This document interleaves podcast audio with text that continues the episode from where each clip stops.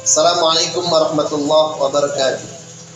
Kaum milenial yang disayang Allah, dalam sebuah hadis riwayat Tirmidzi yang disahihkan oleh Albani, penyeru kebaikan di mata Allah itu sangatlah tinggi kedudukannya.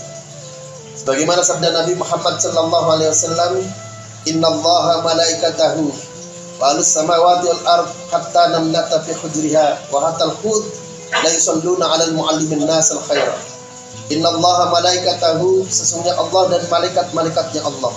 Wa anis samawati wal ard penduduk langit dan penduduk bumi. Hatta namlata fi qudriha sampai-sampai semut yang berada di sarangnya. Wa hatal hud dan juga ikan-ikan yang berada di lautan. La yusalluna 'alal muallimin nas al khairat. Mereka semuanya bersolawat, mereka semuanya mendoakan untuk penyeru kebaikan.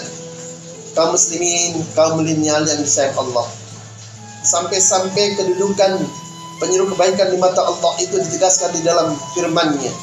Quran surat yang ke-11 surat Hud ayat 117. Wa ma kana rabbuka liyadhkur bidzulmin wa ahluha muslihun. Tidaklah Allah akan menghancurkan satu wilayah dengan cara yang zalim di mana penduduknya adalah orang-orang penyeru kebaikan.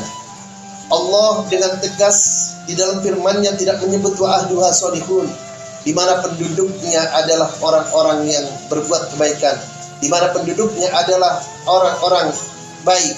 Namun Allah dengan tegas wa ahluha muslihun, penduduknya adalah para penyuruh kebaikan. Penyuruh kebaikan itu bukan monopoli ustaz, bukan monopoli kiai, bukan monopoli ulama. Siapa pun orangnya, apa pun profesinya bisa menjadi penyuruh kebaikan, mencegah terjadinya kemungkaran, Mencegah orang minum minuman keras itu juga termasuk penyeru kebaikan. Mencegah terjadinya penggunaan narkoba itu juga adalah penyeru kebaikan. Mencegah orang tawuran antar kelompok, antar golongan, antar suku juga itu merupakan penyeru kebaikan. Mengajari anak-anak membaca Al-Quran itu juga penyeru kebaikan. Mendamaikan pihak yang bertikai itu juga adalah penyeru kebaikan. Menjadikan bangsa dan negara ini menjadi rukun dan damai baik yang seagama yang berbeda agama yang satu golongan yang satu suku maupun satu yang partai itu juga menyeru kebaikan. Oleh karena itu mari kita renungkan pesan wasiat ulama ahli hikmah.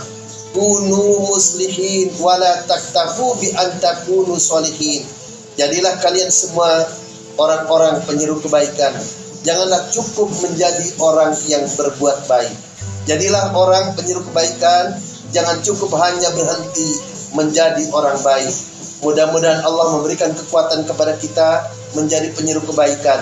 Mudah-mudahan Allah memberikan kekuatan kepada kita tidak cukup kita hanya menjadi orang baik, tapi kita ambil bagian sebagai penyeru kebaikan sehingga negara kita menjadi negara yang aman, negara yang makmur, negara yang damai, negara yang baldatun thayyibatun warubun ghafur sehingga kita semua kelak akan masuk surganya Allah Subhanahu wa taala.